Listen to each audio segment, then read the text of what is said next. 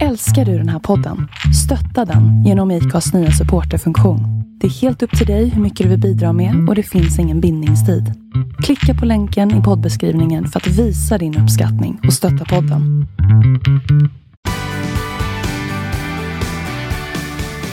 Hej och välkommen till Vanlife and Stories!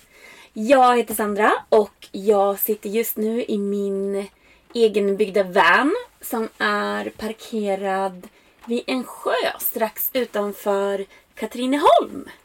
Och bredvid mig sitter Amalia! Hej! Amalia! Välkommen hit! Tack snälla. Hur mår du? Jag mår bra. Hur mår du? Jag mår bra. Mm. Ehm, vi träffades ju igår första gången. Ja, det är också helt sjukt. Det Ja. känns som att vi känner varandra. Ja, verkligen.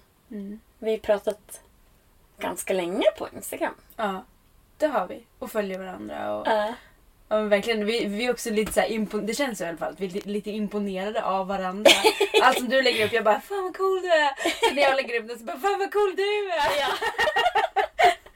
Vi är varandras fans. Fans. Fans!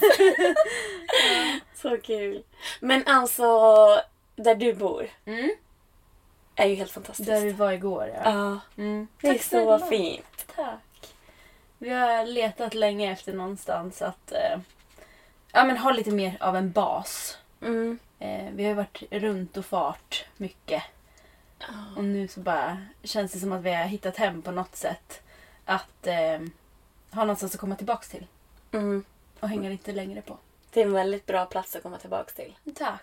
Det är verkligen helt Ja. magiskt. Det är också känns en bra, det är en bra plats grej. att komma och hälsa på på också. Ja! Så att eh, det får vi göra. ja! Jag kommer komma många gånger. Ja. Det kommer bli så Bra. trött på mig. Nej, det kommer jag inte. Åh gud. Men ehm, jag vet ju hur det ser ut och du vet hur det ser ut. Mm. Men det vet ju inte de som lyssnar. Nej. Men om man vill se det så kan man ju gå in på din Instagram. Mm, det kan man göra. Som heter? Amalia Browns. Mm. Eh, inte riktigt lika, det här pratade vi om igår, inte riktigt lika, lika coolt Instagram-namn som du har. Men på tal om coolheten här eh, och mina coolhetskomplex. Men eh, ja, Amalia Browns kan man gå in på och Mm. titta hur det ser ut, där vi bor. Det är bra. Gör det!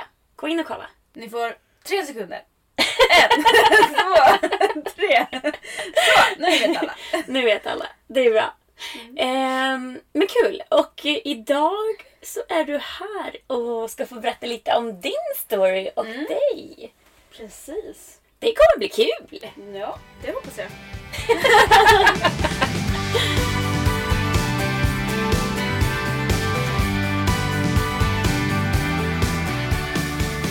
Kan du inte... kan du inte?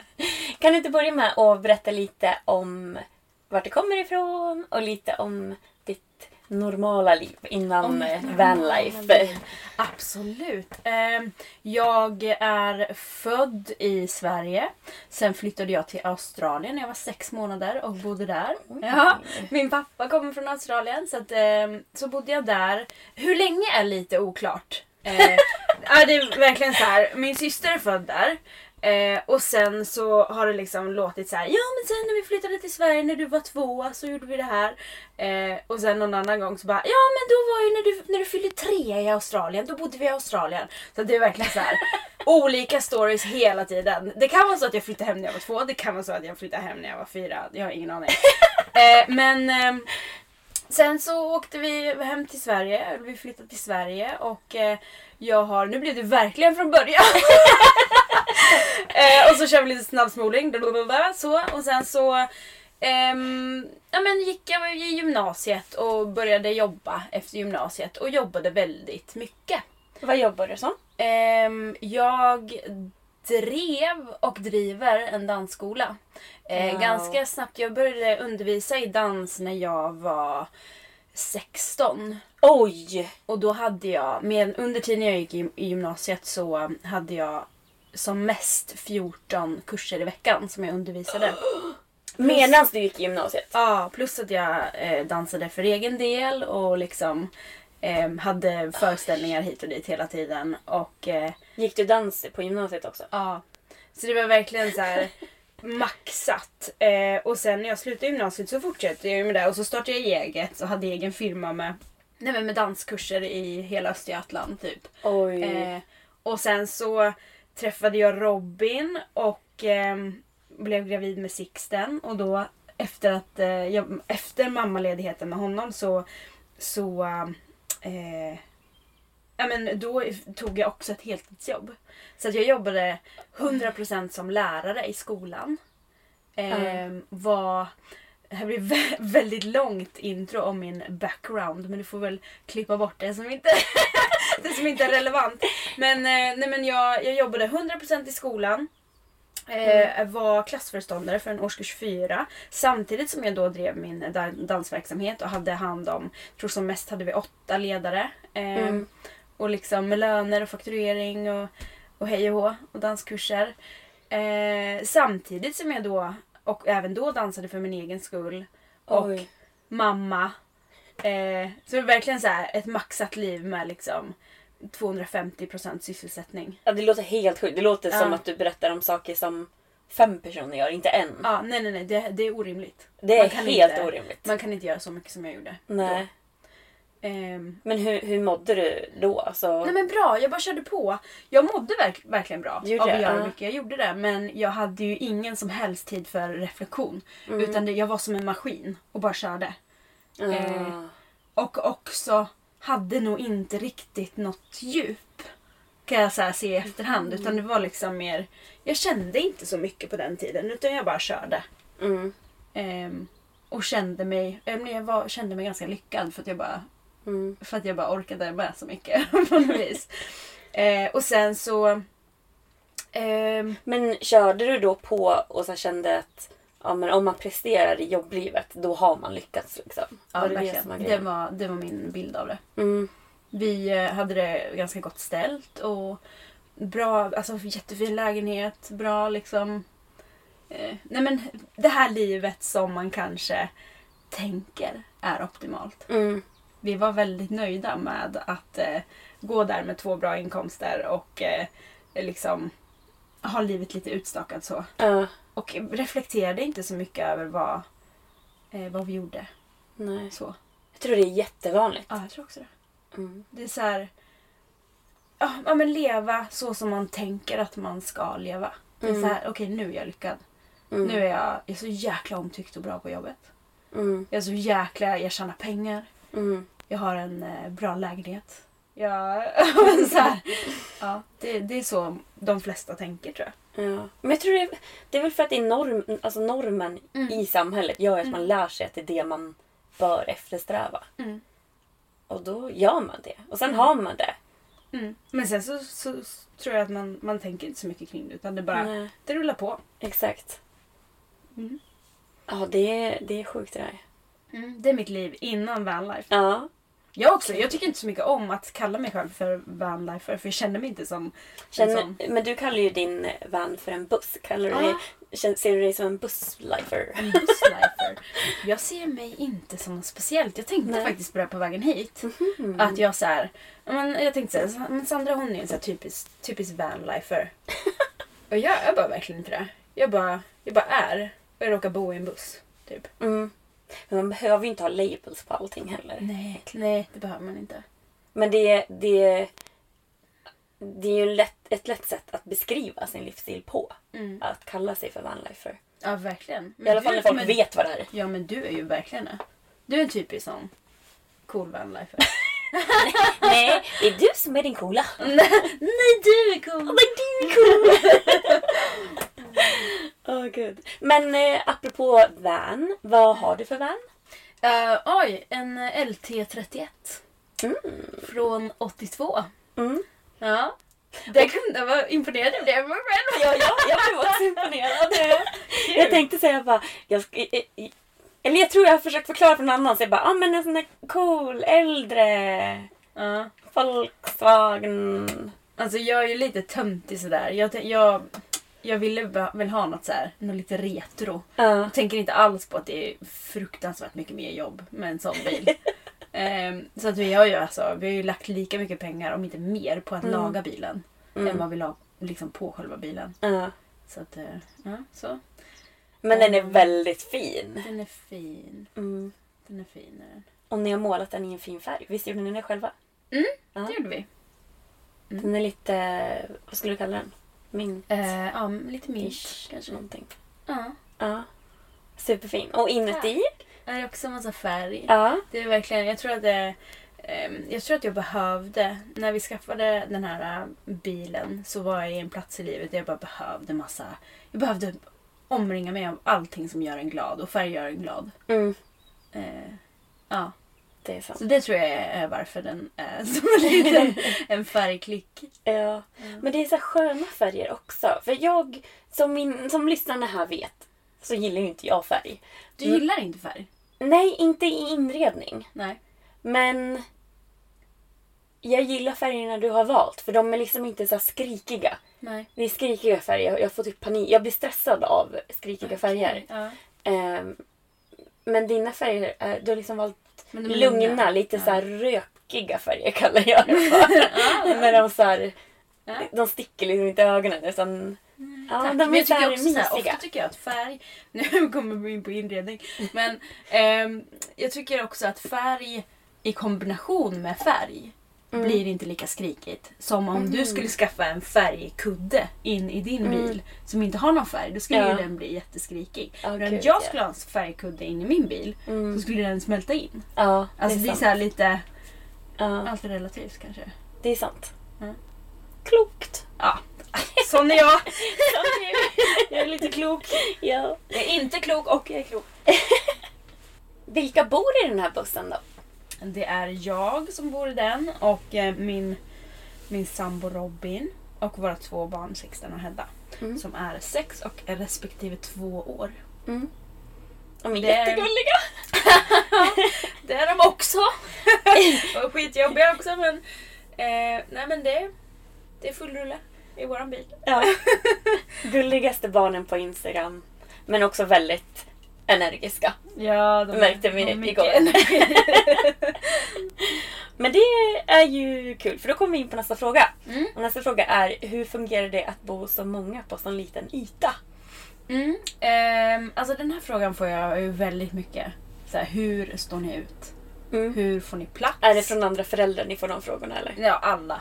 Alla möjliga. Ehm, och ehm, alltså vi... För det första så anpassar man sig ju väldigt fort. Eh, för det andra så... Alla som har barn kan nog relatera till att ens barn ändå alltid vill vara på en. Precis, och precis där man är.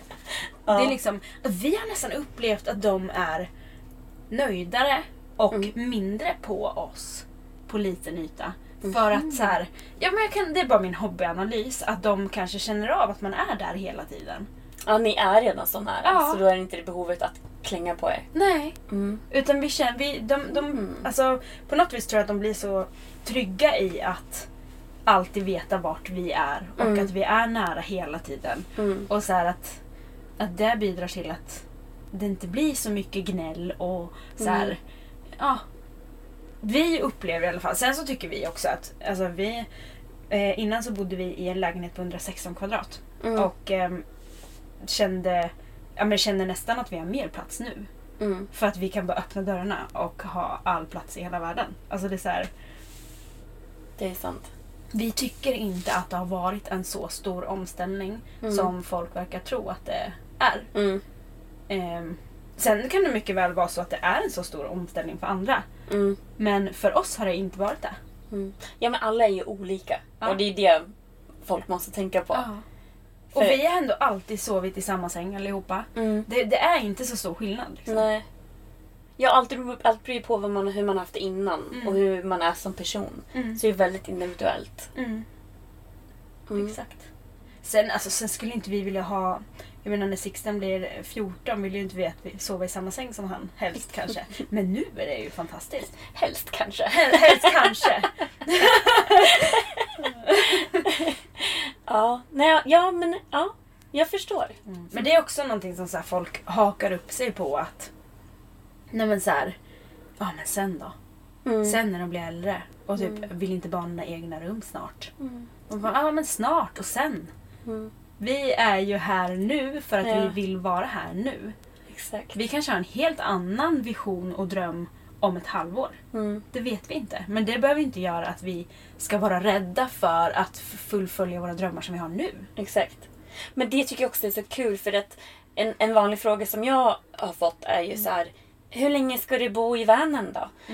Eh, och för mig så tycker jag att den frågan är konstig eftersom att det här är min livsstil.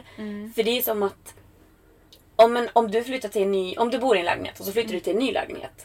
Och sen kommer en kompis och besöker dig. Då frågar ju inte de Jaha, hur länge ska du bo här då? Nej. det, det var så konstigt. Det är så här, Om det är rätt nu, det här är ju rätt nu. Och sen får man ju se framåt liksom. Ja men precis, det är precis som alla andra så här.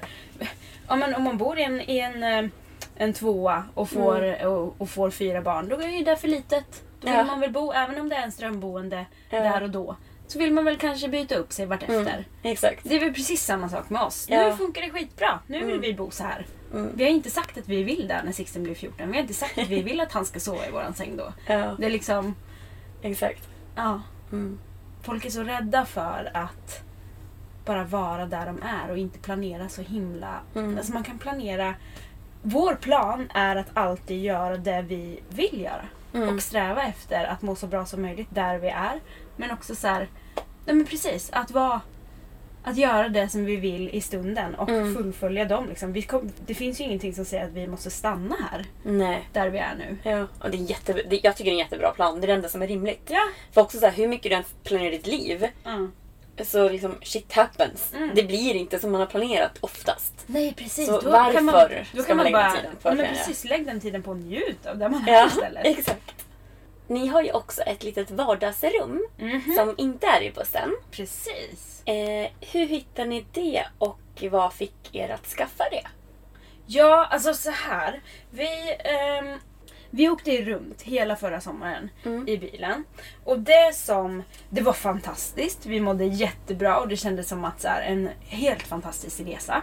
Eh, men det enda som vi saknade var vår familj och våra vänner. Mm. Vi kände oss, jag menar vi var omringade av folk och vi träffade mycket människor som vi inte har träffat förut. Men vi kände oss också väldigt ensamma för att, Mm. ja, men för att vi var på vägarna hela tiden och vi liksom hade inte den här, vi kunde inte bjuda hem folk. Och det är vi så väldigt vana att göra. Alltså ända sedan jag var liten så har vi haft liksom öppet hus hemma hos oss. Mm. Och eh, jag och Robin i alla boenden som vi har haft har det varit där man kommer och hänger. Mm. Och sen helt plötsligt då när vi flyttade ut i bilen förra sommaren så var det så här: okej nu... Eh, ja men det blev att vi inte hängde lika mycket med våra familjer. Mm. Tyvärr. Eh, så då var det som att, så det var hela grund... Alltså grunden till att vi sökte oss till en lite mer stabil plats. Mm. Ehm, och då även... ehm, nu råkar det bara bli så att vi har bott på, ehm, på ovanvåningen av, ett, eh, av en yogasal Mm. under vintern för att kunna ha liksom dusch och, och toa och alla bekvämligheter. Men, ja, men sen så bestämde vi oss vartefter då att ja, men vi stannar här då. Vi Mm. har det här som våran bas. För att kunna liksom... Ja men för att vara nära Mm. alla som vi bryr oss om. Eh, och då så eh, var ju det lilla, den lilla detaljen att liksom Nej men att ha någonstans att bjuda in folk till. Och det går ju inte att vara där ute om det regnar eller är dåligt väder. Visst det går men det är ju smidigt att kunna liksom men vara under tak någonstans. Mm. Ehm, och då hittade jag det här tältet och köpte det till Robin i 30-årspresent. Mm. Och det är ett gi- gigantiskt tipi-tält. Heter det så? Tipi Ja men det kanske är. Det är ett canvas-tält. säga. Det är så? Ja. Okej. ja. Som ett runt liksom, ett Mm. stort. Och det, det, det ser vi som vårt vardagsrum. Som där vi ska Mm. liksom ha men ett litet eh, leksakshörn så barnen kan liksom leka loss. Ehm, men också bara så att man kan som har ett alternativ till att sitta i bussen om det är dåligt väder. Mm. Eh, att kunna liksom ha lite mer yta. Mm. För det är ju också, visst vi, kan, vi har möjlighet i, i vanen att liksom leka och umgås och, och titta på TV och alla de grejerna. Mm. Men det är också ganska värdefullt med yta när man har Ja. barn. Eh, och vi har ju all yta i världen om vi öppnar dörrarna. Men Mm. när det är lerigt och onajs Mm. Är så känns det ganska ställe. skönt Ja. att ha någon annanstans. Just när vi står på den här platsen Ja. där vi har som, Exakt. som bas. Annars så, vi kommer ju inte dra med oss tältet när vi åker runt. Nej. Det var ju perfekt igår när vi kom. Vi kom ju tre personer. Jag, eh, Michelle och Rasmus från Cardigans Humanity. Som kommer vara med i nästa avsnitt. Eh, och, men då satt ju vi med er, det är Robin alltså, eh, Ja. runt ett bord som ni hade byggt upp där och åt middag. Ja. Ändå kunde barnen vara i samma tält och leka och härja men det är Ja. så här, Men precis. man var inte ju- på varandra liksom. Bussen är perfekt för oss fyra. Mm. Men för att kunna bjuda hem folk så Mm. känns tältet som ett eh, fantastiskt alternativ. Ja, verkligen. Mm. Och det var så fint och mysigt där. Men tack! Vad glad jag blir. Men ehm, vill du berätta mer om campet som är där? Det här stället som vi har hittat då, det är ett eh, pensionat. Mm. Eh, kallar de det för. Det ett lite alternativt pensionat och ett alternativ till den traditionella liksom, eh, hotell, camping Mm. grejen. De, är, eh, de håller på med kundalini-yoga och har liksom, som, eh, yoga varje dag där ute. Och eh, så har de lite husvagnar som de hyr ut och så hyr de ut lite stugor. Och, så man kan liksom, de har kanoter och kajaker och sånt man kan låna och paddla på kanalen. Och, ehm, så de har, det, det har liksom redan funnits en verksamhet där innan vi kom dit. Eh, och vi frågade bara okej men kan vi bara ta en plätt här och göra till våran? och sen så hjälper jag dem jättemycket med liksom att och fixa där ute och göra en liten lekplats och en liten liksom eh, eh, nej men jag pyntar väldigt mycket. Det är liksom Ja, min grej. det är jättefint. Du har ju satt upp både makramé, lampor. Ja, Du har byggt en liten sån här kiosk också till barnen ja. att leka i. Ja men precis. Och jag försöker typ, jag, jag vill gärna att det ska bli som en så här. Där ska man vilja åka och Mm. tälta uppe i, vi kallar det för parken, som en liten så här tallskog. Ja. Och så här, att man ska vilja hänga där och att det ska vara som Ja, men man, man bor på sitt eget ställe men det finns Mm. också lite gemensamma ställen där man kan sitta och elda och som Mm. ett stort bord där man kan sitta och äta liksom tillsammans om man vill det. Men eh, det är också så här, det är en ganska vanlig missuppfattning att det är vi som, som äger ett helt liksom Mm. camp. Men det är bara att jag hjälper dem att, Mm. att fixa och eh, vi liksom hyr in oss där. Mm. Ja. Det. Men ni har ju ett till tält faktiskt som ni hyr, hyr ut. Precis, precis nere vid kanalen. Mm. så står det ett eh, sånt glampingtält. Och Mm. det ska vi hyra ut eh, ja, på deras liksom, Mm. mark. Men Exakt. allt annat är deras. så får man höra av sig för jag får Ja. ganska mycket frågor. Bara, vart kan du fota inne i husvagnarna? Och så här, kan du, vart, eh, jag vill hyra in mig i en husvagn. Men det är de som styr med. Ja. Och det är de som, jag kan inte bara gå in och fota när det är folk som bor där. Exakt. ja. Men om man vill hyra det här tältet av er, Ja. hur gör man då? då? Ehm, Airbnb kommer vi hyra ut det på. Airbnb. Mm. Mm. Så vi bara hoppas på att eh, den här coronakrisen ska lägga sig lite så Mm. folk ska kunna börja åka runt lite. Ja. Och få lite besök i tältet. Exakt. Mm. Kul. Och där kommer man ju verkligen trivas. Vakna upp ja. vid kanalen, finns en liten gunga där Ja. och att åka kanot där. Alltså det, det kommer bli så bra. Alltså det är verkligen också helt rätt i tiden att semestra Mm. på det här sättet tror jag. Ja, det tror jag med. Mm. Jag tror det kommer bli mycket mer inrikes semester nu Mm, mm. framöver. Verkligen. Mm. Jag vill, jag vill nästan inte hyra ut tältet där nere. Jag vill bara ha det själv. Gå ner och sova där istället för att trängas i bussen. Det är ändå rimligt. ja. Men Amalia, Mm. hur vågade ni ta steget? Och vad fick er att ta steget att byta livsstil, eller hur man nu ska Mm. säga? Eh, ja jäklar vad, vad långt intro om min stressiga, mitt stressiga liv och sen bara släppte vi den biten. men, eh, nej, men jag jobbade som sagt hur mycket som helst. Robin gjorde också det. Vi var verkligen så här levde ett helt eh, vanligt eh, full on Svensson-liv. Mm. Eh, och sen så ehm, en dag i januari 2017 så vändes hela våra, alltså hela våran värld upp och ner. Mm. Då min syster tog sitt liv. Ehm, och det här är alltså en person som jag har Eh, hon och jag var, det kallas för pseudotvillingar. Att man är född, jag tror det är inom ett år. Mm. Så att vi var extremt nära och har liksom funnits där för varandra i hela våra liv. Har liksom haft samma kompisar, samma... Alltså... Mm. Eh, så vi har ju alltid haft varandra, alltid varit bästa vänner. Mm. Eh, och det har ju följt med upp i vuxen ålder också. Du, du vet den här... Alltså som man alltid ringer. Vi hördes varje Mm. dag. Och under den här perioden så jobbade också Robin i Stockholm. Mm. Eh, och pendlade till Stockholm varje dag. Så att jag var ganska så själv med min son Sixten. Mm. Eh, så det var alltid liksom, det var nästan hon och jag som...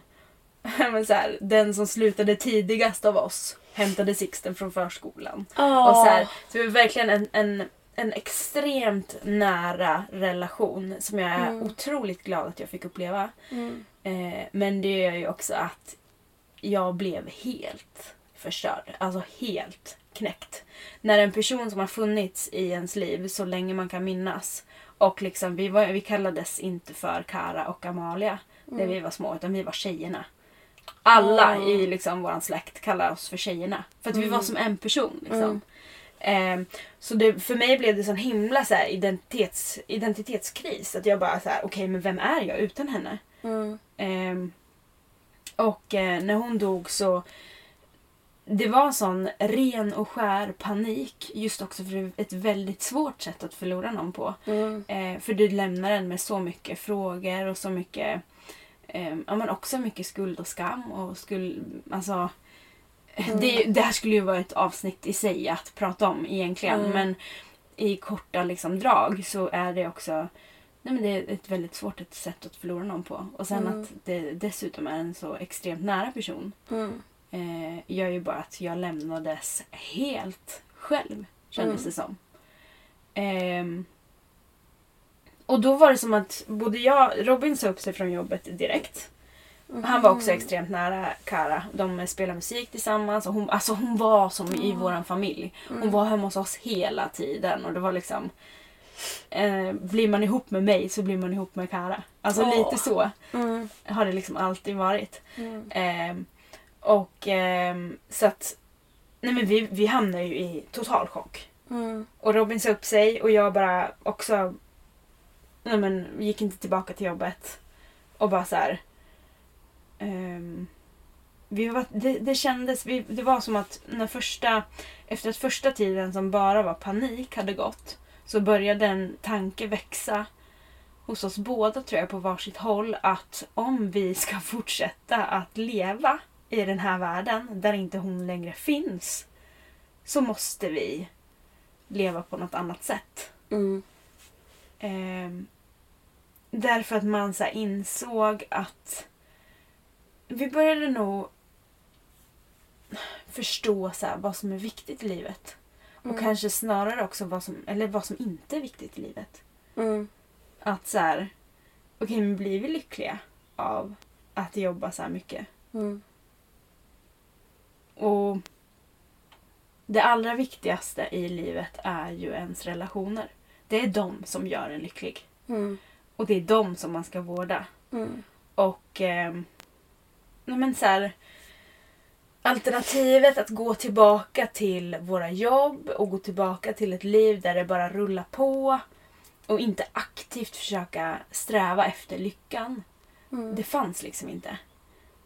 Ehm, så det var då egentligen som vi förstod Alltså den här idén om vanlife var, alltså den, den har ju egentligen funnits med i hela mitt liv. Min pappa bor i en buss så det är inte Mm. jätteorimligt. Mm. Eh, men idén om att vilja leva på ett ja, men så här, närmre sätt. Mm. Närmre varann, närmre naturen, närmre liksom...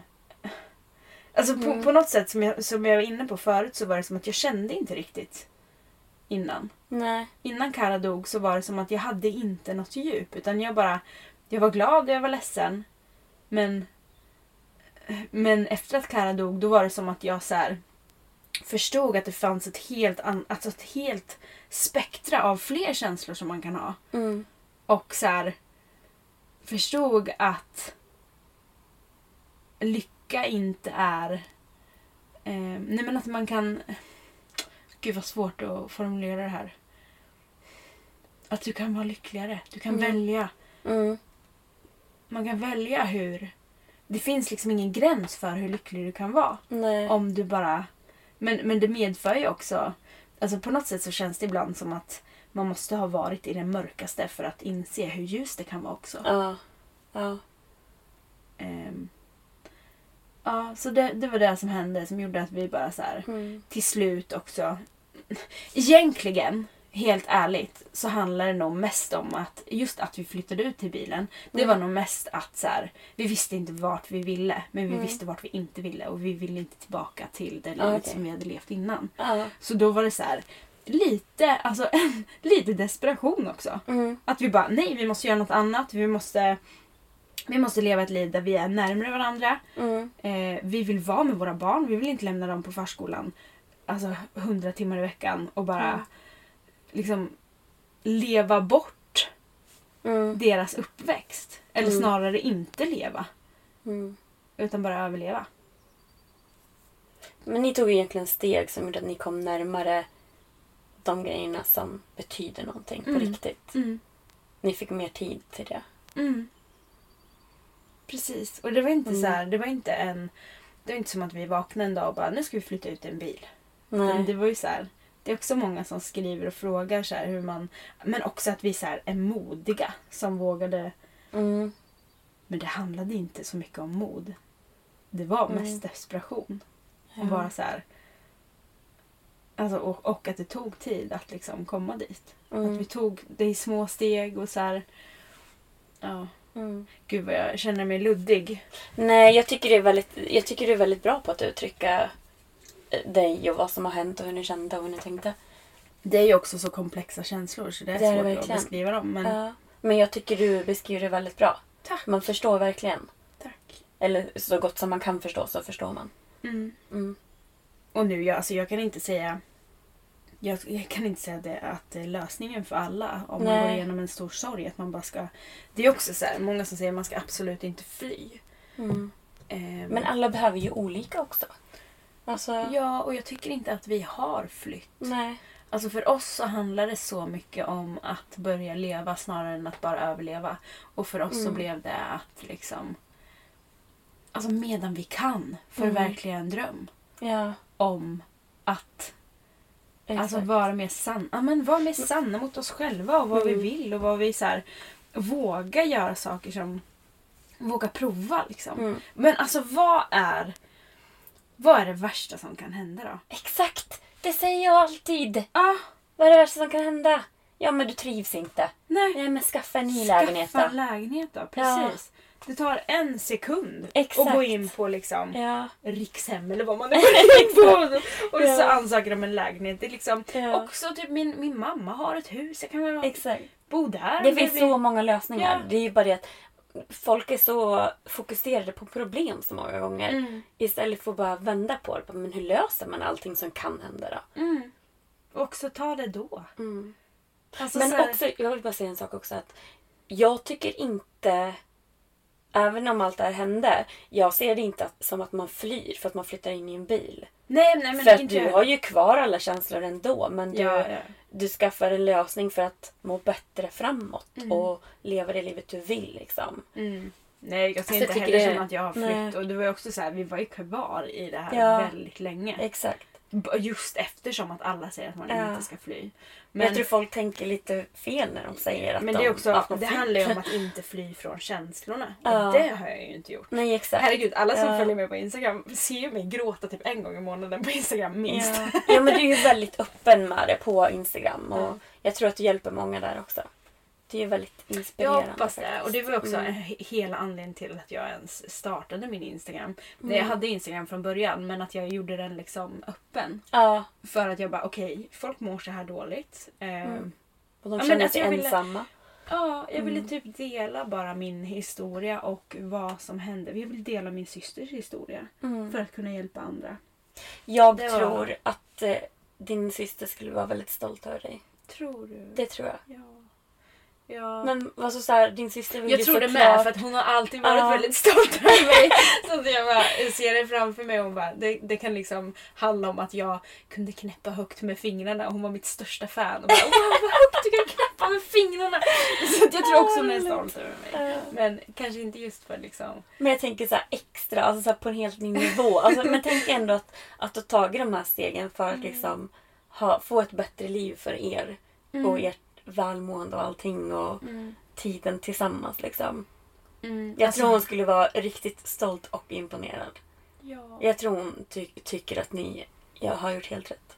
ja men det är jag helt säker på. Hon har också Mm. alltid varit den den liksom alternativa och den som har vågat. Det är ju Mm. jag som har suttit där med flera jobb och liksom varit den med barn och, och man och jobb. Och, medan hon har varit den liksom rebellen. Så det, jag har lite, tagit på mig henne så jag har liksom vågat lite för hennes Ja. skull känns det. Eller att jag har fått lite av hennes mod kanske. Det kanske du har fått. Mm, kanske. Men tänk, då skulle hon vara ännu mer stolt och imponerad av dig. Ja. Ja, det skulle Mm. hon. Hon var så här, överlag väldigt stolt och imponerad över, över, över människor. Mm. Och så här, intresserad av, alltså, jag får ofta höra att jag har väldigt mycket energi och Ja. är väldigt glad och så här, men då har man inte träffat henne. Det var verkligen så här. Ja, då härligt. spärrar jag blicken igen och bara Wow vad kul att träffa dig! väldigt fin människa. Hon låter jättehärlig, Mm. verkligen. Men om ni kallas för tjejerna så kan man ju tänka sig hur härlig hon var när man har träffat dig. Ja vad glad jag blir. Tack snälla. Ehm, men jag har en annan fråga. Mm. Eh, vad har du för planer eller drömmar framåt? då? Mm. Ehm, alltså i närtid eller mer... liksom- Lite vad du vill. Lite vad jag vill. Oh, shit, vad fräckt. Här finns inga begränsningar. Nej. Eh, just nu när, här närmast Mm. så är planen bara att, eh, att vara. Mm. Som jag har varit inne på. Att Just bara det. njuta av där vi är. Ja. Och bara så här. Eh, vartefter vi småkollar lite hela tiden på eh, men någon egen mark. Mm. Att kunna bygga upp det som vi bygger upp nu Mm. på någonting som vi äger själva. Mm. För just nu hyr vi ju in oss på det här pensionatet. Mm. Ehm, och vilket vi älskar. Mm. Vi älskar dem och vi älskar det stället. Och, eh, men i framtiden så är ju drömmen att vi, för vi inser ju att barnen kommer ju att växa. Mm. Och det kommer ju vara liksom, vi kan inte bo på sex kvadratmeter i hela resten av våra liv. Mm. Ehm, så att, ehm, ja men expandera boendesituationen. På något sätt. Ja, kommer vi att behöva göra. Ja. Ehm, och det vill vi ju gärna göra på någon, någon mark som vi äger. Vi vill kunna Mm. liksom... Ja, men jag brukar säga att vi, vi vill liksom ta våran gigantiska skruv och bara skruva ner i marken någonstans för att så här, Mm. Ja. Men för ändå bygga någonting. Vi kommer alltid att följa våra liksom visioner och Mm. göra det som vi känner för ehm, där och då. Men Mm. man ser ju ändå vart, vart det kommer och liksom i vilken riktning det kommer Ja, att, exakt. att landa. Mm. Vi kommer nog alltid att, eh, att försöka gå vår egen väg och liksom Mm. inte tänka så mycket på vad man bör göra. Mm. Ja. Har ni någon eh, tanke på att bygga upp något liknande och också ha husvagnar och hyra ut till andra? Eller ska det, ert hem och er mark liksom vara för er? Um, alltså, så det är så svårt att säga för jag brukar inte tänka så mycket eh, Mm. på, på liksom... Ja, det är mycket möjligt Mm. att vi kommer att... Eh, eller drömmen har nog varit lite grann att ha lite av ett community. Mm. Att liksom ja, men, ha lite småhus och lite så vänner och familj nära ehm, på någon mark liksom. Mm. Och att man har typ ett gemensamt utekök och utehängställe liksom, Mm. där alla kan vara och alla barnen träffas och det här liksom lite utländska boende liksom. Ah. Det känns som att vi i Sverige är så himla så här. Här ska vi ha distance. Ja, Det är därför vi, Verkligen. vi är så bra på social distancing nu. Ja, verkligen. Men det är ingen skillnad. ja, exakt. Det är bara, vadå har någonting hänt ens? ja, exakt. Nej, men så här, att man, ja, men också att man kanske vill, vill komma med sin bil och ställa sig. Mm. Och bara, att vi, vi kommer ju alltid... Alltså jag kan inte tänka mig något annat än att vi kommer att ta emot folk med öppna armar. Alltså, Mm. Vi älskar ju att hänga med andra Mm. och träffa nya människor och vara liksom... Det bästa vi vet är ju att sitta och liksom ha jams på kvällarna och så här. Men, men ehm, ja, om vi kommer hyra ut vet jag inte. Nej. Men vi kommer nog alltid ha lite av en fritidsgård. Liksom. Okej, ja. Det Ja. låter jättemysigt. Ja. Jag kommer komma. Bra. du är välkommen. Jag, jag kommer komma, det är inte så här, får jag komma? Men det är, så, det är då man har lyckats. Om, man, om folk känner att jag kommer. Utan att man behöver fråga. ah, ja det är sant. Ja. Mm. Då har man lyckats göra ett hem som känner, där man känner sig välkommen. God inställning. Ja. Mm. Ehm, nu har jag två frågor kvar. Mm. Eh, den första är, vilka är dina bästa tips till de som drömmer om vanlife? Prova. Mm.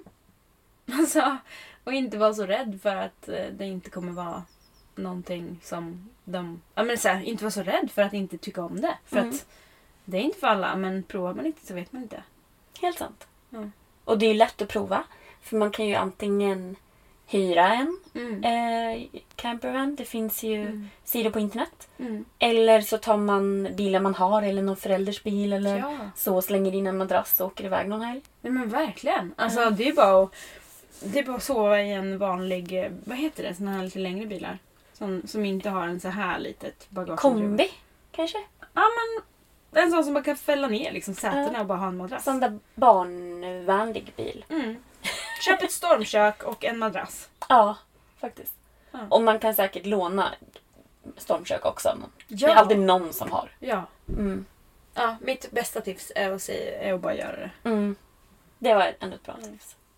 Okej, fråga nummer två är vad är det pinsammaste som hänt dig under vanlife? Oj. Det pinsammaste? Jag vet inte. Alltså jag har inte, jag har inte varit med om så mycket pinsamt kanske. Eller? Kanske det kommer komma något väldigt pinsamt. Alltså pinsamt. Jag, jag brukar berätta att jag, att jag bajsat i en påse. Men det känns som att alla vanlife gör det. Eller? Ja, det är nog väldigt, väldigt vanligt. Jag så här, kör ut familjen och bara nu ska, nu ska mamma bajsa, ta fram en liten påse.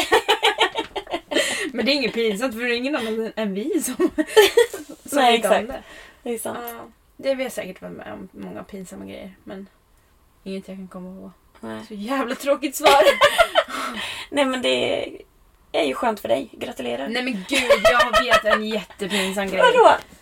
Ja, jag tankade i vattentanken. Just det! Ja. Ja, det var pinsamt. Jag så här fick hela... Jag typ, det var första gången jag skulle köra bilen själv. Mm. Eh, åker till macken och börjar tanka. Och bara så här... Ja, men du vet när, det, när den blir liksom så här... När, det, när man har tankat fullt så brukar Ja. det bli så här... Dunk, Ja. dunk.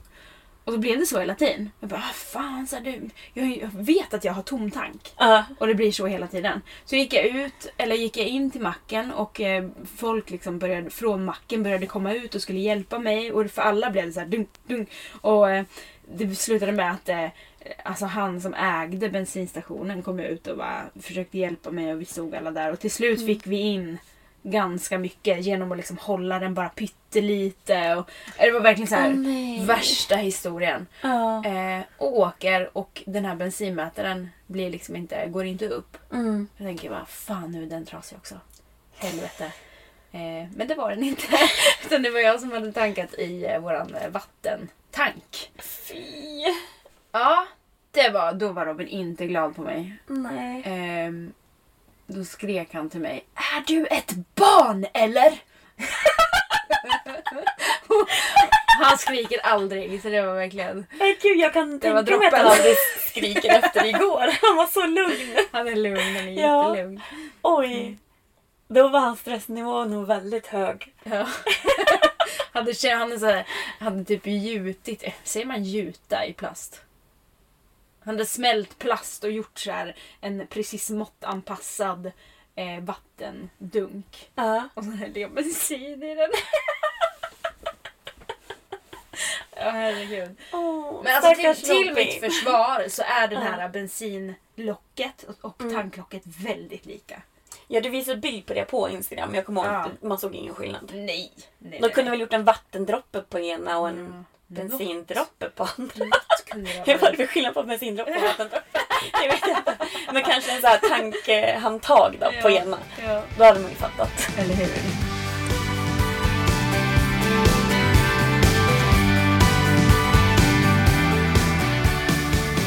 Det har varit så kul att ha med dig här i podden, tycker jag. Vad kul, det har varit roligt att vara här. Det känns som att jag har varit så otroligt luddig.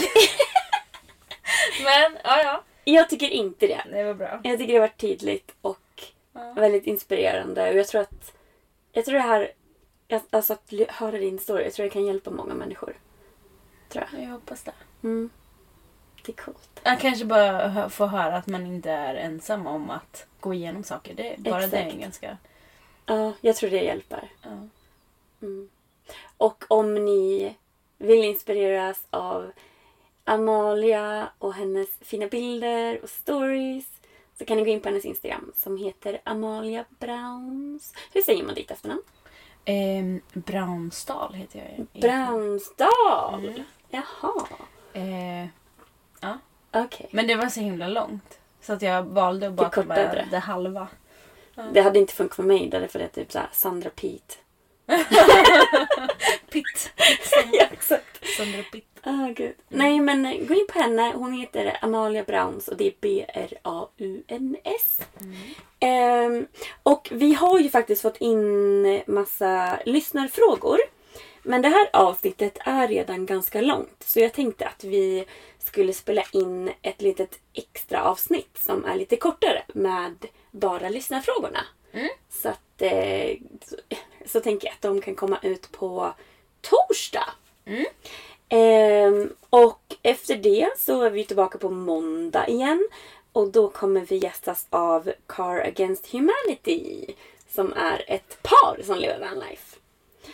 Eh, och har ni några frågor så kan ni gå in på Vanlife and Stories på Instagram och ställa dem där. Och eh, det sista jag har att säga är gå jättegärna in och lämna ett betyg där ni lyssnar på den här podcasten. Och då är det ju fem stjärnor man trycker på och inget annat. eh, det var allt. Tack så mycket! Ha det gött! Hej! Hej då!